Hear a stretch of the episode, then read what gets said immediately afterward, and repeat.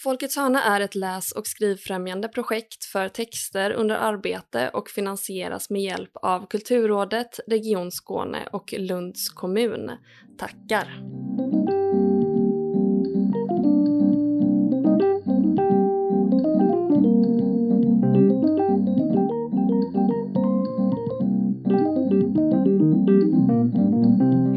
Och välkomna till Folkets hörna, en podd om den skrivande praktiken. Mitt namn är Agnes, bredvid mig sitter Emilia och med oss här idag har vi även Kristina Agner. Hej! Hejsan! Förra året debuterade du med spänningsromanen Var inte rädd för mörkret och i dagarna så kommer den ut i pocketformat. Den handlar om Alva som i och med ett uppbrott från fästmannen och sin mammas död flyr Stockholm för den fiktiva småstaden Tosseboda. Där märker hon att allt inte är som det verkar gällande hennes mammas bortgång.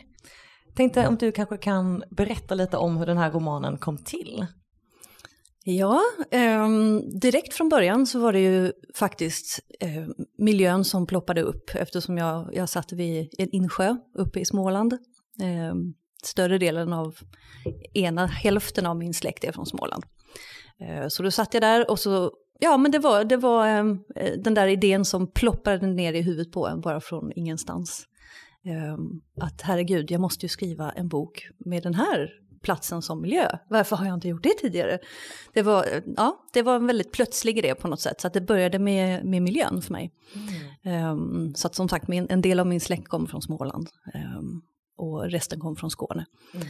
Mm. Um, så det var väl där det började och sen så, uh, ja, och sen så befolkade jag miljön med en massa mystiska figurer som jag ja, samlat på mig genom åren där uppe. så det var nog där det började. Så tanken var från början just spänning, deckar, roman ja? Ja, men det var det absolut. Alltså, jag har alltid varit en enormt stor deckarnörd. Alltså mordgåtor, spänningsromaner, klassiska deckare eh, och även klassiker som kanske inte kan beskrivas som mordhistoria eller mordgåta eller så, men som liksom har ett lite så mörkt inslag i någon form. Mm. Dr. Glas till exempel. Mm. Alla de där har jag läst och läst om. Så att det, ja, nej men det, det, var självklart att det skulle vara en spänningsroman. Sen så har jag skrivit lite andra grejer innan också. Alltså så provat på. Jag skrev en, en barnbok, kapitelbok. Eh, och så skrev jag en, ja det var i och för sig också spänningsroman. Ja men det blev nog två spänningsromaner också. Ja det var det både och. Barnboken eh, också? Eh, det var, ja det var, det hade ju också lite så spänningsinslag faktiskt lite så spökhistoria. Mm. Um, så att just um, passionen för spänning, den, den kommer jag nog inte undan så lätt tror jag. Um, men jag kommer ju ha, jag kommer definitivt skriva andra saker för jag har, jag har min lilla lista. Eh, mm. En ganska lång lista på en massa fantastiska idéer. Som, och vissa av alltså man får ju väldigt många idéer, eller jag får det i alla fall. Jag har liksom en tendens att få idéer lite när som, att de bara dimper ner i huvudet på mig på något vis. Lite utifrån ingenstans. Ehm, men vissa av dem kommer, de stannar kvar eh, och så kan man inte riktigt bli av med dem. Då brukar jag faktiskt skriva ner de bästa i en lista. Så jag har en, en, en lista som i min, i min eh, dator. Ehm, På olika och, framtida projekt? Ja, liksom. ja, har jag faktiskt. Alltså för det är lite så här, när vissa saker så eh, Ja, men vissa grejer kanske man inte glömmer bort just för att det är så bra. Men det händer faktiskt att man glömmer bort mm. riktigt bra idéer. Jag tycker alltid um, att det är så. Ehm. Det här är så bra så jag, aldrig kom, jag kommer aldrig glömma uh, bort det. Och så skriver man inte ner det och sen exakt. så är det bara borta. Ja, mm. jag tror att det möjligtvis kan ha varit Stephen King som sa att Nej, men de riktigt bra idéerna, de glömmer man inte bort. Uh, men det håller inte jag med om riktigt. Alltså, uh, och skulle man ha allting som man älskade som man kommer på i huvudet så skulle ju inte det, hur skulle det vara möjligt ens? Jag har så dålig minne också. Så, ja, det har jag med. så det är därför jag har allting i dator. Så. Mm. Um, men och då är det faktiskt vissa, vissa idéer som är, ja men det är någon feelgood och det är barnbok och det är skrivhandbok och det är liksom, ja. Det är, jag vill skriva mycket innan jag dör. Mm. Du har lite att pyssla med framöver. ja, jag har nog det. Ja, precis. Jag blir nog inte av det här med skrivandet, det går inte. Mm. Du berättade att eh, miljön kom först och sen ja. så människorna eller karaktärerna då som du har kanske plockat lite från verkliga. Liksom, eh. ja, eller inte riktigt så. Eh, det är inte så att man plockar bara rakt ut ur verkligheten och stoppar in i en bok, det får man inte göra. Lite inspirerad i alla fall. Ja, men mm. alltså beteenden skulle jag vilja säga att det mm. handlar om. Alltså, eh, när man ser människor eh, som man har träffat genom livet och vissa beteenden är, blir extra intressanta. Mm. Naturligtvis när det kanske blir destruktivitet av det på något sätt. Um, så det, det tycker jag är intressant och det har ju naturligtvis att göra med att jag är beteendevetare sedan mm. tidigare. Mm. Jag är socionom och jobbade ja, sex, sju år som det på massa olika sätt och olika typer av jobb och så. Mm. Så um, och det är väl det, det gör ju spänningsromanen så bra för att man kan stoppa in vad man vill i det. Alltså det, det, kan bli, det kan vara en vanlig motgåta eller så kan det vara mer åt det, det psykologiska hållet. Och ja, men just det här med olika beteenden som ja, gör att mm. det går riktigt illa för människor. Just det, folks reaktioner på ja. sånt som händer dem Ja, men precis. Mm. För folk reagerar ju och liksom gör olika saker beroende på sin egen historia. Just det. Ja. Mm. Men du börjar där då, miljön och så karaktärerna och hur, hur mm. börjar man sen skriva? Eller hur började du skriva den här Var inte rädd för mörkret? Ja, det började jag faktiskt genom att vara ganska taskig mot min huvudkaraktär. Att jag mm. försatte henne i en riktigt trist situation. Um, och vad är det värsta då som man kan tänka sig? Jo, det är ju att man förlorar någon som man älskar under hemska situation, äh, i en hemsk situation. Um, och det har jag ju själv upplevt. Min mamma gick bort i cancer för, ja det är lite drygt 16 år sedan nu. Um, och jag tror att den, um, den känslan, alltså sorg, det är nog den starkaste och liksom mest uh, omvälvande känslan som jag har upplevt hittills i livet förutom sådana saker som kärlek och så. Så jag tror att det är det som gjorde på något sätt att det, det, gav, det gjorde stort intryck på mig. Um, så då vill jag på något sätt börja där i en, en känsla av sorg och uh, försätta Alva Fagerström i en riktigt, en riktigt knivig situation. Och sen så har hennes, um, hon bor ju i vanliga fall uppe i Stockholm då. Um, och där kan jag ju tillägga att jag kommer inte från Stockholm. okay. ja, jag, ja, eh, för att folk får för sig det ganska ofta eftersom mm. jag, jag pratar som jag gör. Men jag kommer från eh, Skåne faktiskt. Men hon kommer från Stockholm och hon eh, tvingas ju köra ner från Stockholm till Småland då, mm. och Tosseboda. Eh, för Dessutom att, nydumpad. Ja, precis. Exakt. Sorg. Ja, väldigt nydumpad kan man säga. Eller ja, exakt vem det är som har dumpat vem är ju mindre relevant egentligen. Men hennes långtida relation har gått åt skogen. Um, och sen så upptäcker hon ju dessutom att allting är inte riktigt som hon först tänkte med sin mammas död. Så, och, ehm, och sen så visar det sig naturligtvis också att det här lilla torpet som hon har fått ärva, att eh, där bodde en kvinna som är en gammal släkting till henne som försvann spårlöst. Och det var ganska länge sedan, eh, på 1960-talet. Mm. Ja, och, ehm, och jag tror det blev 1960-talet för att eh, just eh, det årtiondet fascinerar mig väldigt mycket. Eh, jag är ganska historiskt intresserad redan tidigare. Men just att liksom få välja en, en, ett årtionde eller ett, ett årtal bakåt i tid, det gör ju liksom att det, ja, fantasin går igång. Mm. Mm. Ja, jag tycker det är så fascinerande med eh, spänningsromaner och så. Eh, just ur liksom den skrivprocessiga synvinkeln. Eh, för när man själv börjar läsa den, och pratade om det här med Emilia, så mm. är man liksom på helspänn. För att mm. allting kan vara en ledtråd. Mm. Att så här, första sidan är man så här, oh, hon skruvar på radion, det kommer den här kanalen, kan det betyda någonting? Kan, måste lägga det på minnet. Ja, jo. Eh, och hur, hur, arbetar du med helheten eh, egentligen? Tänker jag. Hur, eh, I slutet har man ju en färdig mordgåta. Mm. Hur mycket vet du av det från innan? Har du allt planerat klart eller hur? Hur ja, jobbar du med det? Alltså ehm, till viss del har jag det absolut klart. Eh, jag vet hur det ligger till. Mm. Ehm, så.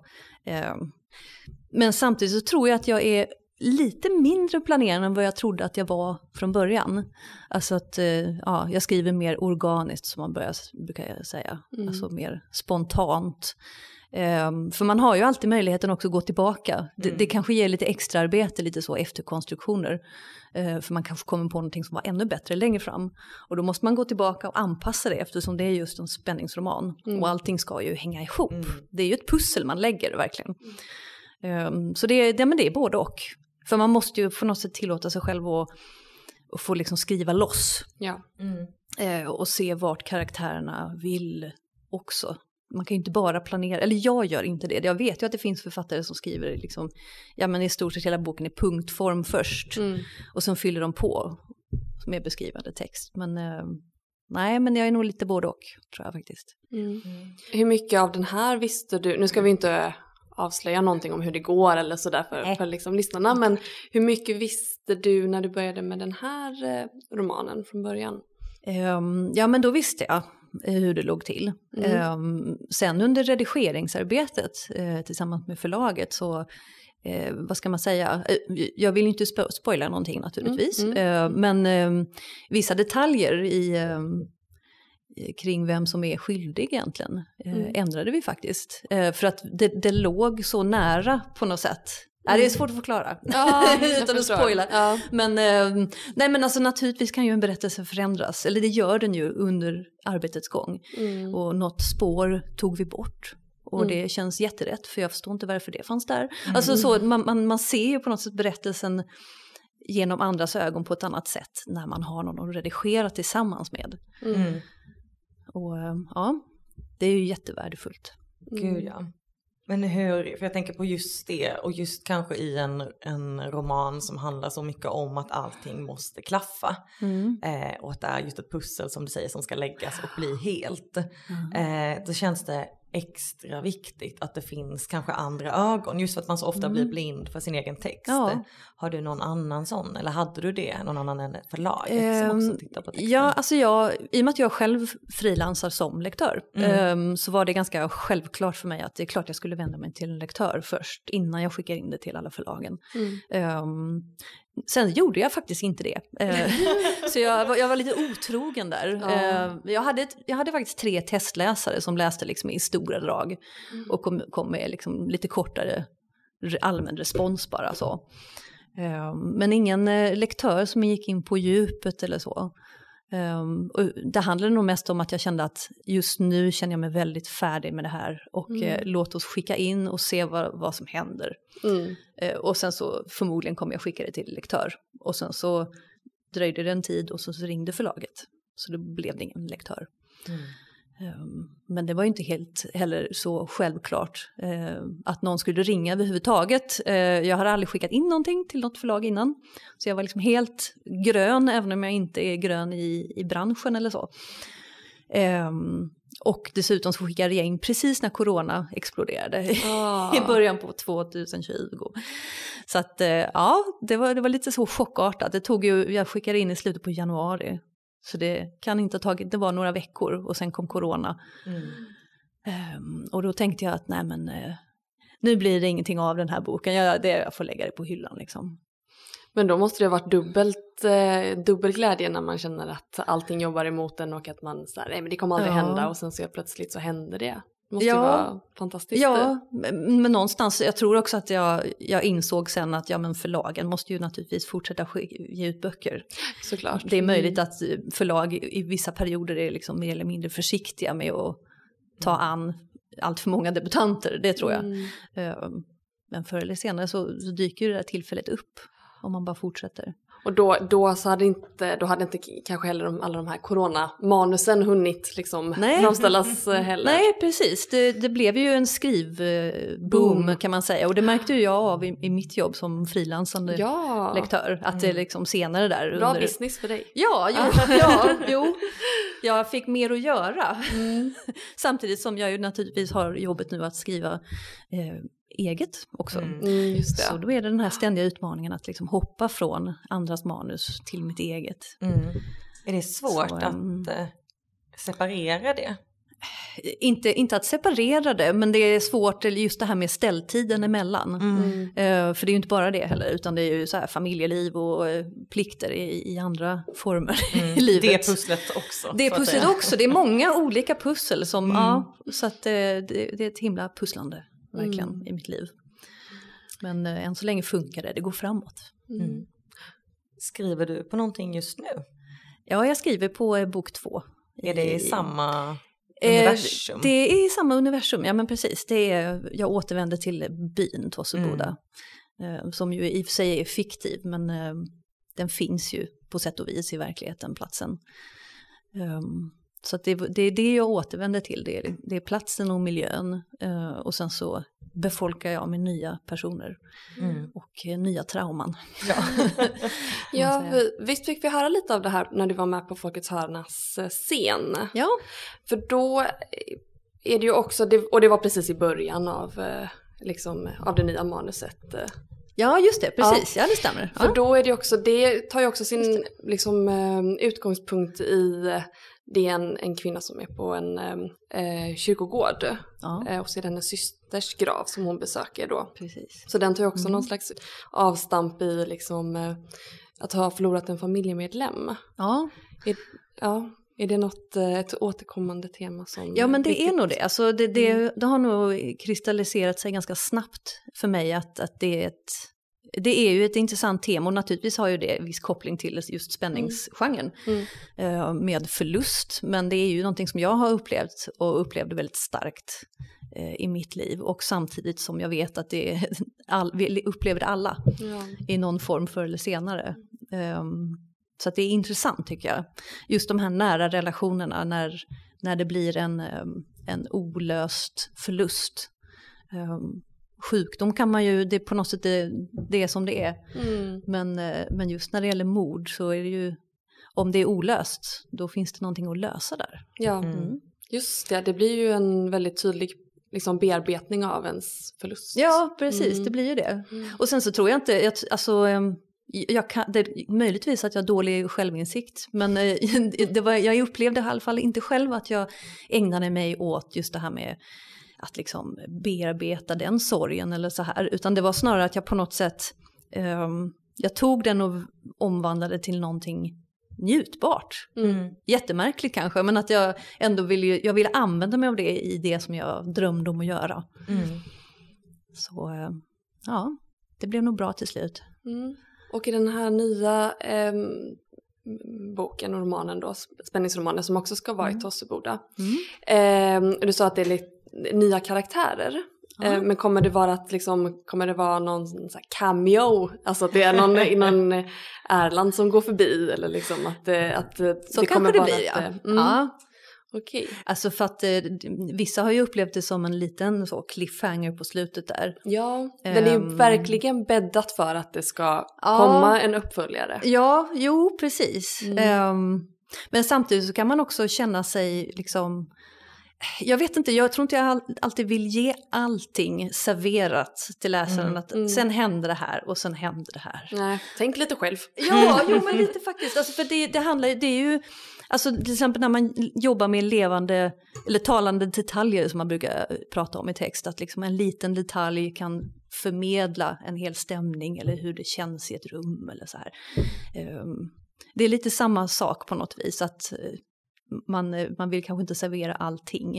Eh, Och det är ju själva syftet med att läsa, att man faktiskt får en egen chans att liksom fantisera ihop hur ser det ut och Mm. man får ju sina egna bilder, alla har ju an- olika bilder i huvudet när man läser samma scen. Mm. Så ehm, ja, men, eh, men visst det blir ju en liten sån uppföljning kanske man får Mm. veta.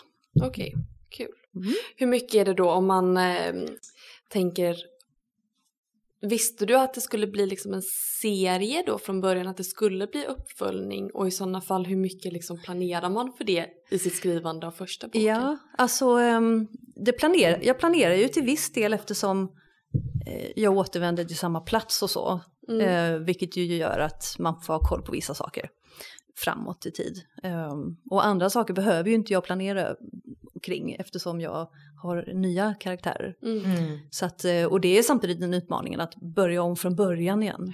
Mm. Det är inte så att jag har det här persongalleriet färdigt. nu Etablerat för läsaren också. Ja, nej, utan då är det liksom, då börjar man om från början igen. Så det är Mm. ganska maffigt jobb. Är det skönt? Eller är det, är det jobbigt? Gillar du liksom att få ett nytt blad? Ja, jag tycker det.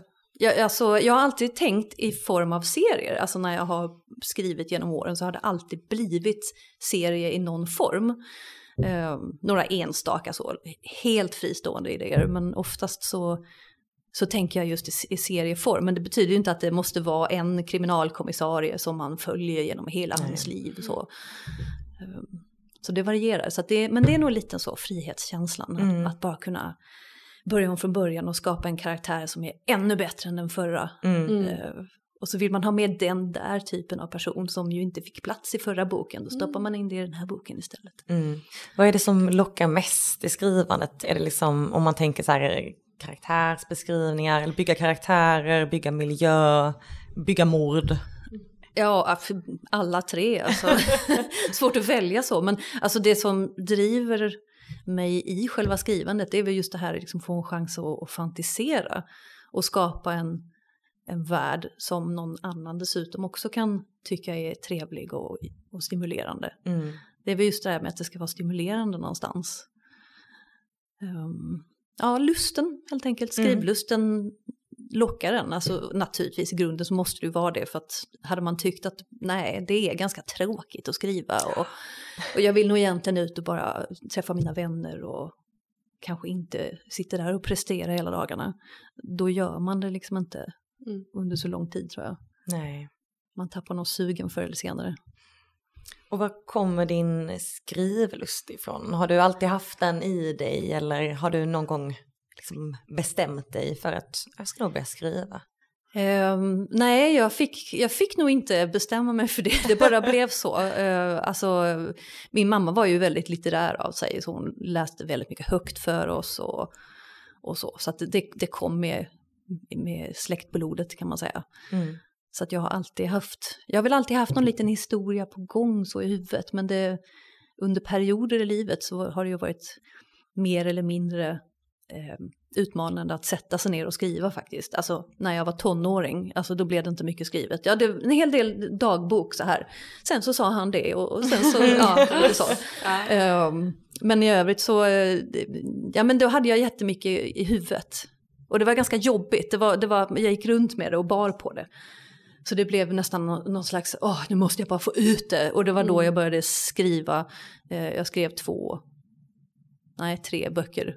Eh, innan jag skickade då den här fjärde idén till Mhm. förlag. Mm. Bara för att få skriva av mig, att få, få ut det och Mm. kunna bevisa också för mig själv att jag kunde avsluta en hel historia. Att, Mm. och det, för det var någon sån här hang-up jag hade ett tag att, men kan jag verkligen avsluta en historia? Mm. Eh, så var jag uppenbarligen tvungen att göra det fyra gånger för att jag skulle liksom då förstå att jo men jag kan det, jag gör det. För att jag, jag vet inte, jag, jag var, i skolan var inte jag heller eh, den här personen som var läshuvudet. Eh, utan snarare tvärtom, jag var sådär, är inte jag intresserad då går det inget vidare. Alltså, ehm, så att jag, jag var alltid bra i svenska just.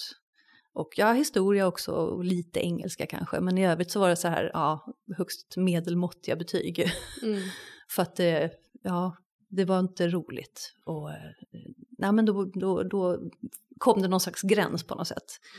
Men just när man, eh, ja, vad var jag från början? Varför man skriver och, och, och hur eh, det måste finnas lust för att skriva.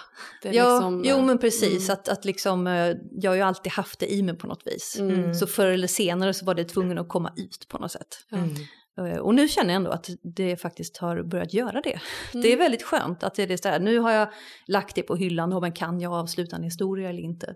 Du har den liksom, tryggheten i ryggen, att Ja. du behöver inte ens tänka på det. Ja, Nästan. ja nej, men alltså, jag vet att det förr eller senare så kommer det hända. Ja. Så är det. Sen så är det ju som sagt, det är en utmaning att hinna med i vardagen. Mm. Att ta sig de här skrivdagarna och så vidare. Mm. Men eh, så länge man gör det regelbundet så till slut så har man boken. Mm. Och det, ja. Vilka förutsättningar är det du, du behöver för att, att skriva? Eh, ja men det är väl eh, tiden som alla drömmer om att få. Mm. Att liksom få, eh, jag menar det är ju också precis så här i början, det är inte så att man, de allra flesta skriver ju inte en bok, blir ekonomiskt oberoende och, och så får man skriva på heltid. Mm. Det är inte så simpelt liksom. Mm. Ehm, så att eh, det är det jag bollar, att jag hoppar mellan att försörja mig och att skriva. Och, och ja, Mm. det är både och. Och hur ser det ut nu? Hur mycket tid kan du lägga? Eller hur mycket, hur mycket skriver du på en vecka? Eller hur mycket kan du lägga på det? Ja, alltså eh, jag tar mig skrivdagar när eh, liksom eh, inplanerat med visst intervall kan man Mm. säga. Så att, och sen så är det ju inte alltid det funkar, det blir vabbande eller vad det nu är Mm. som dyker upp i schemat också. Men för det mesta så går det faktiskt just de här helskrivdagarna. Mm. Och så ibland så tar jag någon halvdag och ja. ja, men det är många bäckar små som gäller fortfarande. Det är liksom inte så att man sitter och skriver en bok från start till finish på tre månader. Inte jag i alla fall. Eh, så. Eh, men så länge man, man jobbar på, Mm. harvar på så blir det till slut Mm. färdigt faktiskt. Hur eh, hjälper, eller om det gör det, hjälper ditt jobb som, eh, som lektör dig att bli bättre på att skriva? Eller hur, hur fungerar Ja. det liksom i relation till ditt skrivande? Jo, men alltså det, det tycker jag faktiskt. Alltså man brukar säga så här att, att ja, men man, kan, eh, man kan inte lära av andras misstag utan man måste liksom begå sina egna misstag. Och Mm. ja, så är det ju i viss utsträckning såklart.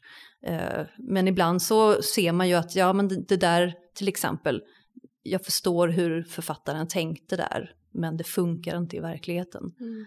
Eh, Så att man kan ju liksom betrakta alltihopa utifrån på ett annat sätt. Mm. Så absolut. Och sen så har jag ju läst också, i och med att det är en del av mitt jobb sen tidigare, att läsa på. Alltså hur funkar det? Vad är en dramaturgisk kurva till exempel? Mm. Det fanns ju en tid när jag inte visste vad det var för någonting. Mm. Så läste jag allting om det. Så Mm. ja. Och hur var det nu? Du sa förut att när du hade skickat eh, in ditt manus och fick eh, eh, läsningar och så, så valde ni att ta bort ett spår. Eh, Ja. Som du sa, ja men det kändes jättebra. Ja. Var det någonting som du så här, "Åh, varför såg jag inte det? Eller, ja, att, att jag skulle ha gräm, gräma mig då liksom över att jag... nej inte gräma sig kanske, men så här, eh, ja men eh, ja, det där, jag borde ju ha sett Ja. att det kunde ha skippats. liksom, Ja, jo eller? men, jo, men alltså det är bara att konstatera att Mm. det borde man nog kanske ha sett att varför gjorde jag så egentligen? Ja, nej det hade jag inte behövt göra. Men alltså det, det är ju, det händer lite, lite olika saker medan man skriver och det är inte allt som får vara kvar helt enkelt. Utan det, man, man får bara eh, pilla bort det ena och det andra så får man vara ganska öppen för just att kunna ta bort saker som inte passar in. Mm. Och Du är Så- inte, det känns inte jobbigt, inte så här kill your darlings. eh, Nej, Nej. Mm. Alltså eh, för att det ska kännas lite bättre i stunden så kan man alltid klippa ut det och stoppa in det i Ja. ett annat dokument och Ja, spara det är en det. jättebra idé. Ja, Mm. och sen så ganska ofta då faktiskt skulle jag vilja säga går jag tillbaka och, och tar tillbaka det där fast i en annan form i ett Mm. annat sammanhang. Okej. För det är någon smart tanke som jag tyckte att oh, det var intressant men det kanske inte nödvändigtvis var aktuellt eller relevant just då. Liksom. Mm. Hur använder du dig utav skrivverktyg? Har du så här post-it-lappar? Använder du Scrivener? Hur har du Ja. koll på liksom din, din berättelse? Ja, alltså post-it-lappar har jag aldrig förstått mig på riktigt. Men det är nog Nej. framförallt för min egen handstil är väldigt så, yvig. Alltså jag, ja, jag kan knappt läsa vad jag själv skriver liksom. Okej. Och Mm. sen, sen jag fick en dator, när var det? Ja men slutet på 90-talet kanske, när, när fick man datorer? Ja men det var någonstans där. Ja. Sen dess har jag ju bara skrivit på dator. Så att jag behöver, oftast för att överhuvudtaget tänka ut någonting så behöver jag skriva fram det. Istället för att bara tänka ut eller sitta och... Och sen så det ser så slarvigt ut också tycker jag. När det ligger så massa post-it-lappar överallt och... Ja, nej. Du är mer ordning och reda.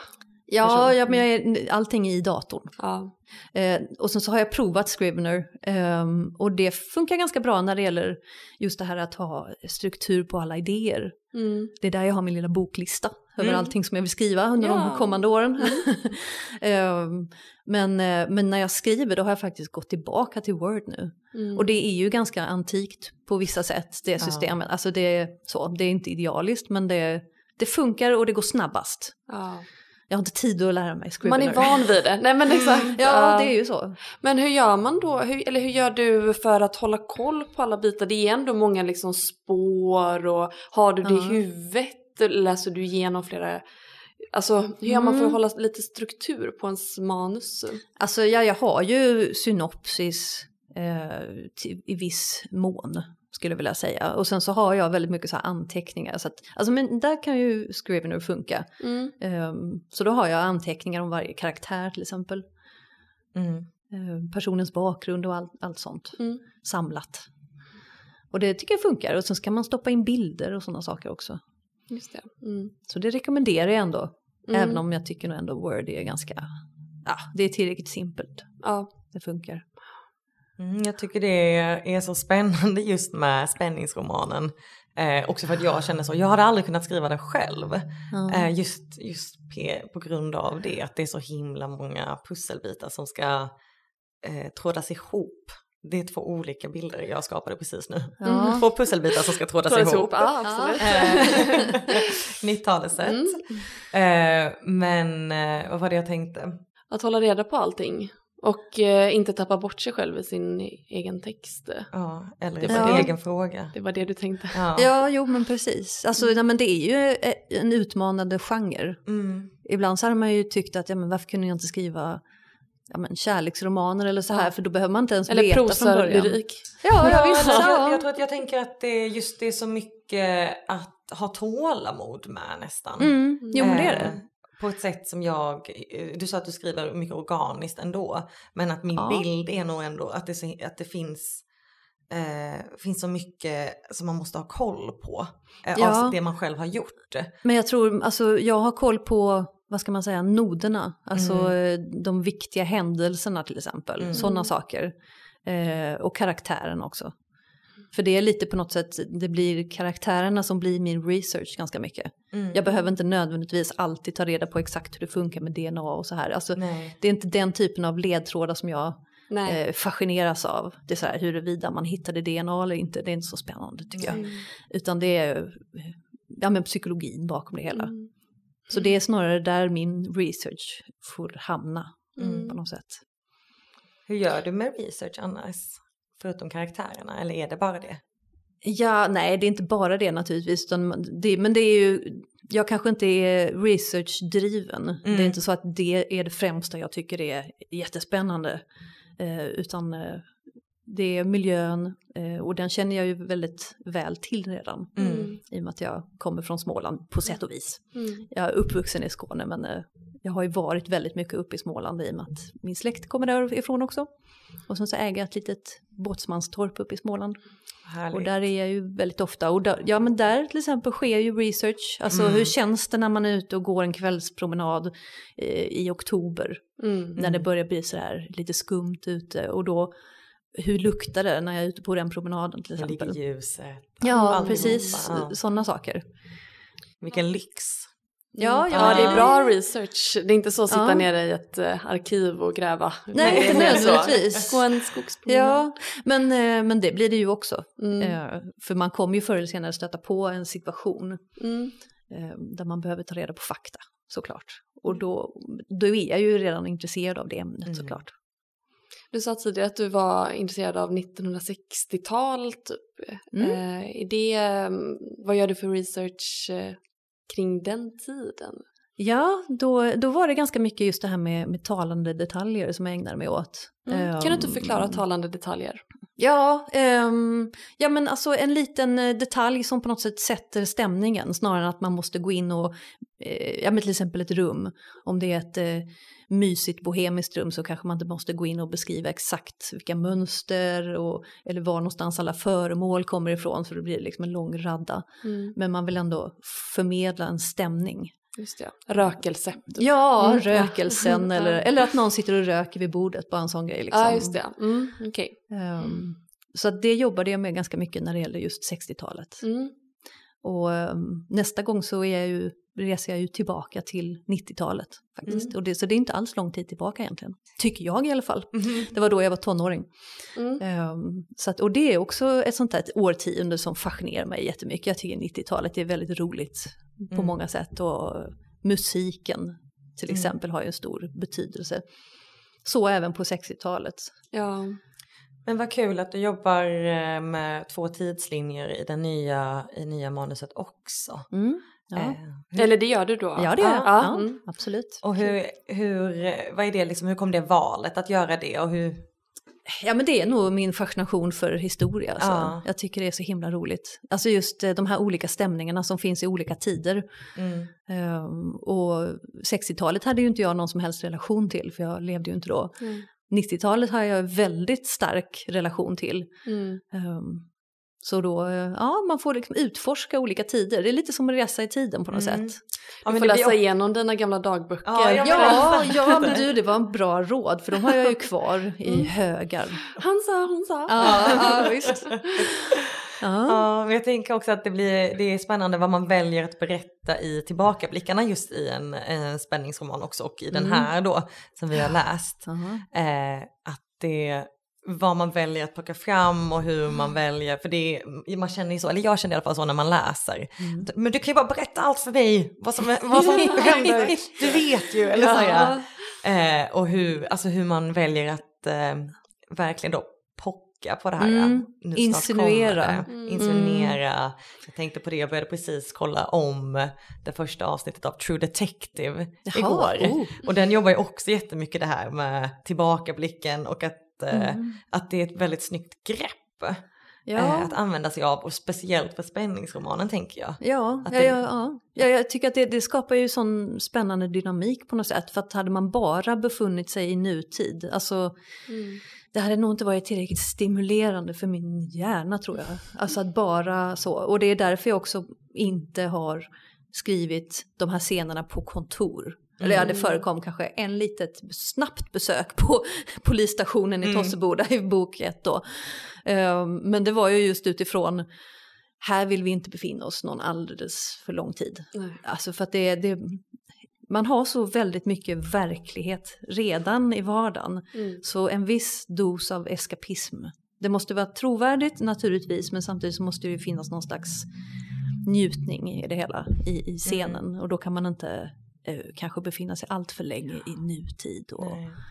Jag tänker också att det är ett ganska bra knep att skapa en så här lite tickande bomb-känsla.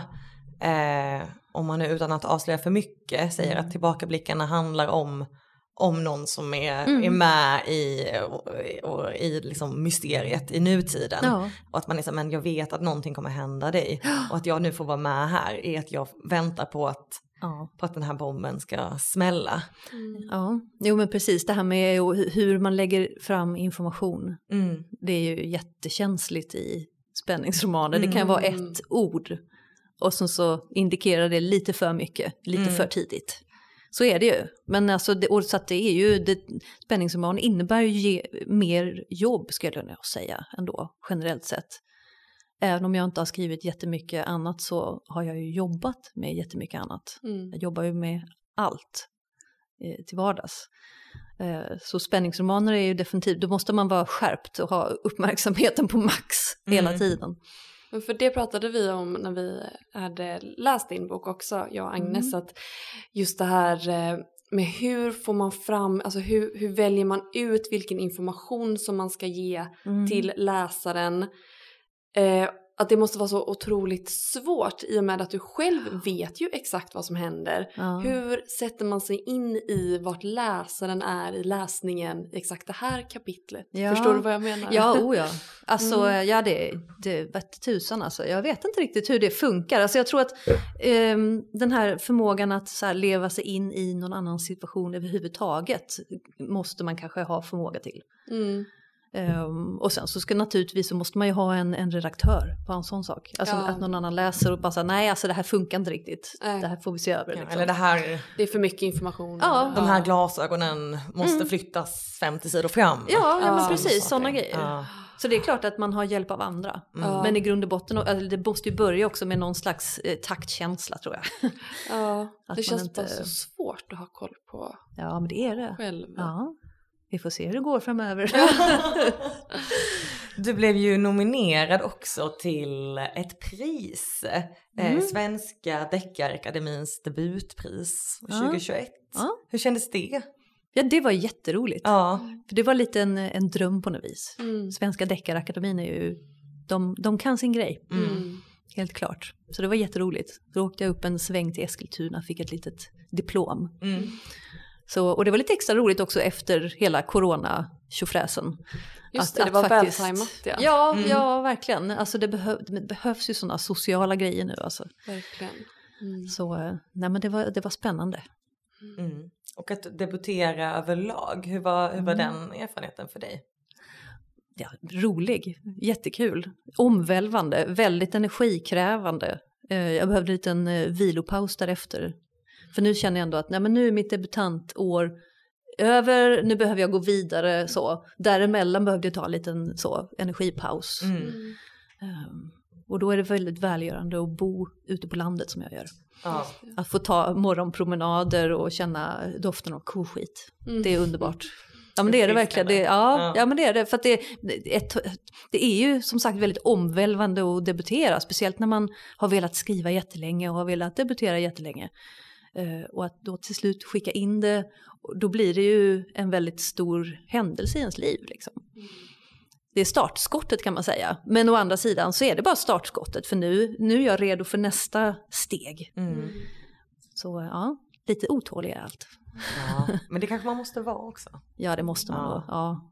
Tänker på de eh, tre romanerna du skrev innan. Mm. Eh, är det någonting som du bara lagt i en låda nu eller är det någonting Ja. som du tänker på som något framtida Eh, nej, de har jag faktiskt lagt i, i, i lådan. i arkivet? Ja. Ja. Eller som jag har sagt någon gång att det liksom, om, om jag hade levt på 1800-talet så hade jag bränt Ja. manusen i, i elden. Just det. Så, som hon i Unga kvinnor. Ja, Mm. usch. Ja, eller hur? Ja. Fruktansvärt. Ja. Ja. Nej men det hade jag gjort, men alltså, och jag, jag, ett av dem har jag öppnat bara för att titta pytte, pytte lite på, bara för att det var roligt. Och då blev jag faktiskt lite överraskad och sa det här är ju faktiskt riktigt bra. Oh, Ehm, det känns som en farlig grej att göra. Det är jobbigt ja. ja. det är jobbigt. Men där tänker jag plocka upp miljön igen. För det är en Ah. väldigt speciell och specifik miljö. Eh, Okej. Som var anledningen Och till att jag började. i och. Använda, inte just i den här boken Nej. men möjligtvis nästa då. Mm. Igen. Som är Så- någon av eh, dem på listan. Ja, precis. Exakt. Så det, det är ju så att man behöver inte säga farväl till sina darlings för alltid. Man kan liksom återuppliva, göra det ännu bättre nästa gång fast i en liten annan form. Eh, vad är din dröm att få skriva? Ja, spänningsromaner. Mm. Ehm, och som sagt så har jag ju lite andra idéer. Men det är väl framförallt det här att, att få, ehm, få möjlighet att, att skriva det som man vill få ner på pappret. Mm. Alltså att gå från den här lösa idén om någonting till att nu är det en bok mellan permar. Alltså det är väldigt, jag vet inte vad det är, men det är väldigt tillfredsställande just det här med permar. Jag är också så, som vi nämnde innan vi började Mm. spela in, att, att jag gillar tryckta böcker. Jag Ja. gör verkligen det. Alltså jag har svårt att ta till mig en text när det bara är Ja, om jag inte jobbar, då är det något helt annat. Jag vet inte vad det är, men Mm. då funkar det på dator. Då jobbar jag alltid på dator, men annars är det liksom, det ska ner på papper. Men det kanske är just det också att, jobb, att läsa på datorn är jobb och Ja, eh, att läsa Ja. i pär med rekreation. liksom. ja men det är väl det, precis. Mm. För när, när ens egen bok väl är tryckt, då är det ju bara en njutning att ta fram den och så här, Mm. Mm. bläddra lite, läsa någon mening. Då är det bara njutning på något sätt. Ja, men det känns väl också så himla mycket mer på riktigt. Just det här Ja. tyngden, att hålla i någonting. Eller hur? Och säga att det här, det var ju det här jag gjorde. Och nu Ja. är det här. Eller hur? Och så doftar de så gott också. Ja, Mm. Både gamla och nya böcker Ja. tycker jag. Mm. verkligen. Ja. Det är svårt att lukta på sin iPhone så. Ja. Ja, det öppnar en ny är precis. Mm. Exakt. Även om det är väldigt roligt att det finns massa olika format såklart. Ja, verkligen. Alltså, ljudboken har ju verkligen exploderat. Och, Mm. Finns Ja. din bok som ljudbok? ja, Det känns givet. ja och, och talbok också faktiskt. Ah, Okej. Mhm. Mm. Det, det, var lite, det var lite extra roligt tyckte jag. Mm. Att, för att det, då får verkligen alla kunna ta del av den. Ja, toppen. Och e-bok. Mm. Och pocket som sagt snart. Just det. Mm. Kul. Ja. Och den här nya, ehm, ditt nya projekt, hur Mm. långt har du kommit i det? Eh, vart är du i skrivprocessen där? Alltså, ja, det beror lite på. För att tidigare så har jag skrivit väldigt eh, kronologiskt. Eh, I stort sett från början till slut och sen så har någon enstaka scen så, så har man tagit bort och pillat dit något annat istället och så. Mm. Eh, men i stora drag så har det varit väldigt kronologiskt. Nu jobbar jag inte riktigt likadant faktiskt. Eh, vilket är lite skrämmande men samtidigt hittills funkar det väldigt bra faktiskt. Att jag skriver scener längre fram och så skriver jag scener i början och så, så går jag framåt igen. Så att det är ja, lite pussligare men samtidigt så eh, ja, men, man får bättre koll på just de här nodhändelserna. Mm. Man ska säga. Gör du så just eh, som en strategi eller för att det är roligare? Ja, både och faktiskt. Ja, okay. för, att jag, för att jag kände, jag satt där och tänkte nej nu ska jag fortsätta harva på här i början. Ja. Eh, som jag brukar göra. Um, och sen så bara kände jag att ja, men varför måste jag skjuta på att skriva det när jag ändå vet vad som kommer hända. Mm. Um, och lite längtar efter att komma ja, till den scenen. Ja men precis mm. och ibland kan man faktiskt tillåta sig själv att göra det. Ja. Uh, för det är trots allt samma bok fortfarande, mm. då är det helt okej. Okay. Uh, däremot så, jag vet ju att folk har ju lite så här svårt att, ja men ska jag verkligen Ska jag verkligen hålla mig till den här idén nu och skriva klart det och sen gå vidare? Kan jag inte bara få skriva lite grann på ja, nästa bok? Eh, men det låter jag bli faktiskt. Ja, det låter ändå smart. Ja. Men jag kan också känna just det här med att skriva en scen längre fram, att det mm. hjälper väldigt mycket med om man har fastnat lite där man är. Mm. Att det är så, okej okay, men nu vet jag en slags riktning, det är ungefär här jag kanske kommer hamna. Och det behöver mm. absolut inte betyda att det är där man hamnar. Nej. Men att det blir en liten push, att man är så här, jag förstår ungefär vad som kanske behöver ske för att mm. eh, Alva ska, ska komma hit. Precis. Eh, och då att, ja, men att det bara är en liten en push i ryggen. Ja, ja. ja och, och, samtidigt så upptäcker man ju, eller man, man kanske hittar nya saker senare i boken mm. som man insåg att oh, det, då får jag stoppa in det i början. Mm. Så det är ett himla hoppande fram och tillbaka kan man säga. Ja. När du redigerar dem då sen, mm. kommer det bli ett större arbete i den här boken tror du? med just det? Nej, jag tror att det kommer bli mindre arbete faktiskt. Skönt. Ja, förhoppningsvis. Mm. Det vet jag ju inte nu såklart, men jag tror att det kommer bli det eftersom jag har, jag har bättre koll nu på de här viktiga händelserna mm. än vad jag hade när jag skrev första. Uh, för då bara skrev jag på ganska länge innan mm. jag stannade upp och funderade på vissa saker. Och det är ju lite så, den, den har, boken har ganska klassiskt upplägg lite så McGuffins och red herrings, väldigt så engelska begrepp som finns inom, eh, ja men framförallt pusseldeckargenren. Mm. Mm. Ja. Och de tillkom i efterhand då, i första? Till viss del gjorde mm. de det, precis. Mm. Eller jag gick tillbaka och liksom anpassade mer. Ja. Och den här processen är mer strukturerad från början? Ja, förhoppningsvis. Förhoppningsvis. Vi får se. Ja. Vi får se. Ja. När är det som roligast att skriva? Oj, um, alltså jag trivs ju väldigt bra med att skriva när jag är i Småland. Um, och då brukar jag åka till Småland, min lilla stuga där då, mm. på små skrivresor. För då är jag helt ostörd, mm. verkligen. Uh, och visst, vi har internet. Jag erkänner att vi har internet. så, uh, så att jag är inte helt ostörd. Men, men uh, så länge, jag är ganska bra på att stänga av ljudet mm. och lägga ifrån mig mobilen. Mm. Då är det ingen som stör. Mm. Så det är otroligt stimulerande, då är det som bäst alltså. När man har fokus liksom. Ja, och även den här om, omkring är i liggande miljön. Ja, ja, ja men det. precis, jag är verkligen i, mitt i smeten. Mm. Men om du ska skriva om något annat ställe sen kommer du behöva åka till... Köpa ett, Köpa ett äh... nytt hus. ja. Ja, men jag tror att eh, jag befinner mig nog ganska ofta ändå på, person, eller på platser som jag faktiskt tycker om. Ja. Mm. Så att någon gång i framtiden kommer det definitivt bli en, en flytt hem till Skåne. Mm, mm. Um, Just det. Så några Smålandsböcker måste jag få ur mig ja. till. Och sen blir det definitivt Smål, äh, Skåne. Mm. Det är ju, ja. Kul.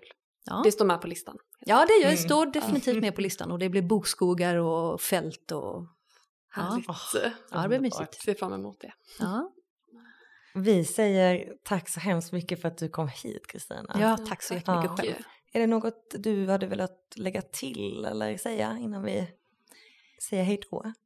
Skriv utifrån lust. Det låter så schablonmässigt men alltså det är verkligen man kan inte sätta sig ner och bara tänka nu ska jag harva och så ska jag Nej. kämpa fram något som, ja, det blir någon slags eh, tryckt produkt på något sätt. Mm. Det, det, funkar inte riktigt så. Eh, det, att skriva är ett jättestort arbete naturligtvis. Men det måste ju liksom börja med att man tycker att det är kul. Mm. Eh, om man inte tycker att det är roligt att skriva så blir det nog lite knepigt i längden. Så sant som det är sagt. Bra avslutande ord. Ja. Som alltid så säger vi tack till Klara eh, som klipper vår podd. Och tack till alla er som lyssnar där ute. Mm. Så hej då för idag. Hej då. Hej hej.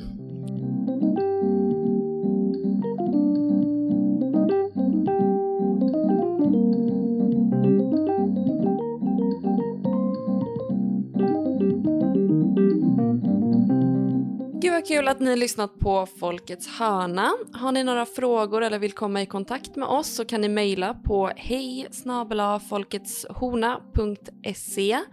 och följ oss gärna på sociala medier, eh, Facebook och Instagram. Där heter vi Folkets hörna.